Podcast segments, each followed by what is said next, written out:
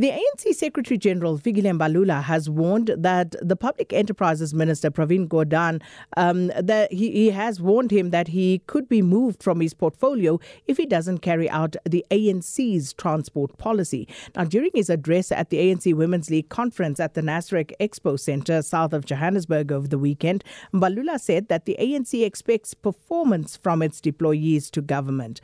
A few hours after this was said, the ANC issued a statement statement saying that Gordhan's job was not on the line as alleged by Mbalula. The Reserve Bank says the repo rate stays as it is, and it says fix load shedding and fix the logistics of the country. And then it says move the heavy vehicles off the road to the rate. And that is the policy of the ANC.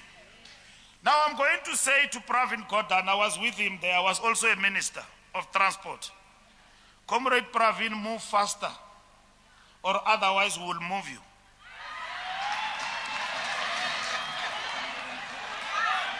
Comrade Pravin, move faster and Transnet, or otherwise we will move you.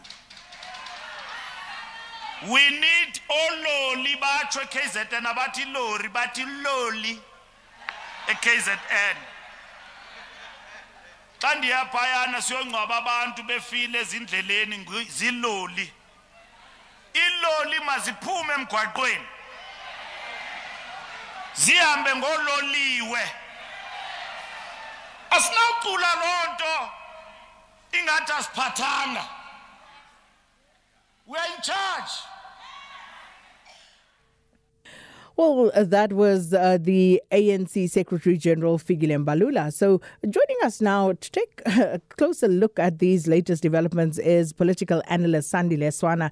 Uh, Sandile, good afternoon. Thanks so much for being with us here on Update at Noon. So, a very interesting turn of events over the weekend uh, at uh, the Women's League conference, and of course, subsequent issuing of that statement by the ANC. Uh, so, Fikile Mbalula there uh, says we are in charge, but who actually is in charge?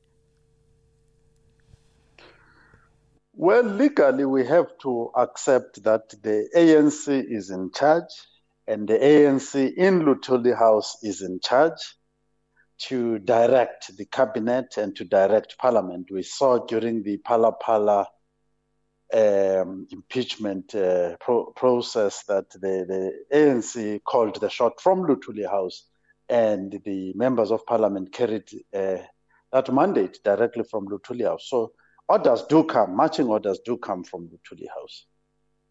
So, very interestingly, Fikile Mbalula makes that pronouncement at the Women's League conference, uh, only to issue a statement not too long, basically backtracking. So, what are the implications on the, uh, of this action, not only on the ANC but also on Fikile Mbalula, and what does it tell us about the state of affairs within the party? Yeah, I yeah, the big question is the, the, the state of affairs and the modus operandi. I think if you look at, at, at what has happened with this case, it it confirms a, a pattern where the the the state, uh, the running of the, the state, let's say the state, is seen as a personal toy by the senior leaders of the ANC. They play with it as they wish at other times, they do reckless experiments with it. Uh, this one of moving people and removing people from the Polokwane conference until now has never yielded result, uh, good results for us as a nation. But it is something that the leaders of the ANC continue to toy with it and play with it as if they are just little children. And then, of course, um, many looking at this and saying that it is clear that um, uh, Pravin Gordhan is untouchable. Uh, within the ANC, given that Fikile Mbalula had to sort of retract what he had said earlier on. What's your reading of that? My reading of it is that what Mbalula has done, uh, which many others have, uh, has, has pronounced themselves on the likes of Julius Malema and so on, that Pravin Gordhan is an incompetent who is being protected, who's regarded as an untouchable uh, uh, pet of white monopoly capital, and so on and so forth. But what Fikile Mbalula has succeeded in doing is to at least show that there is a seed, even within the ANC. The idea, if it is a seed, of saying, actually, we can remove this guy. And Pravin and his supporters had to run helter skelter to pour poison on that seed immediately before it forms into anything tangible. So, did they succeed in doing that?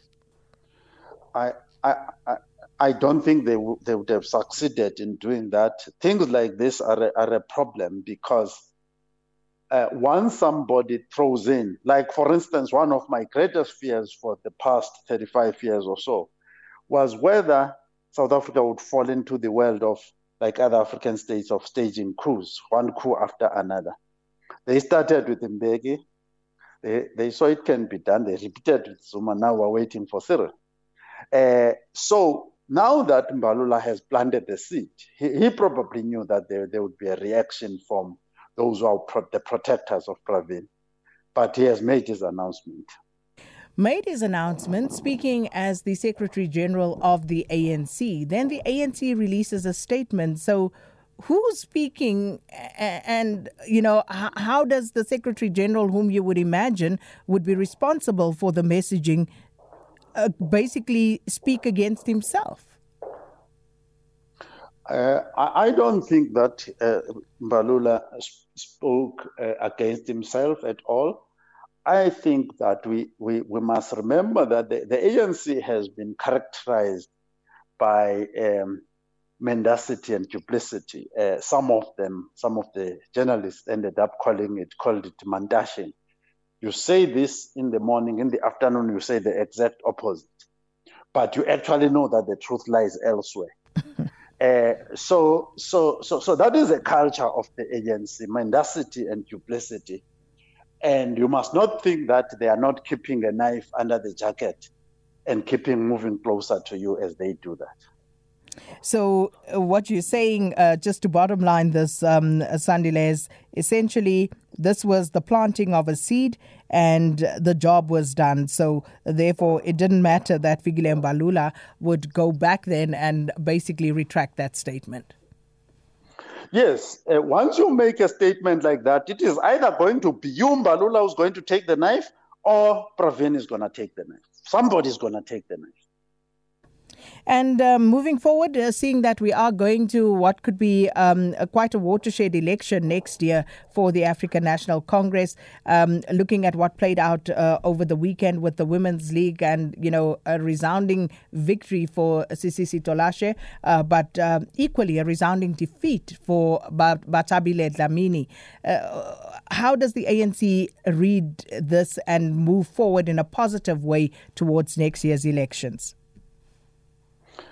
My view has been that in the ANC since the 2017 conference, uh, the agenda has been that for you to unite the ANC, if you are not already in the CR17 slate, adjust yourself and submit yourself, surrender yourself to the CR17 slate. The emergence of Tolashe uh, in the youth league, in the sorry, in the women's league, in the manner that she did, to me signals that the CR17 slate is using every possible method known to man to consolidate its position. Bearing in mind that Tolashe comes from a failed municipality as a mayor, Queenstown, uh, Enoch Mgijima, totally failed municipality, no track record of success. But because her ticket is that she supports the CR17 slate, probably she goes forward regardless. Thank you so much, uh, Sandile Swana, for uh, that analysis and what's going on in the African National Congress at the moment.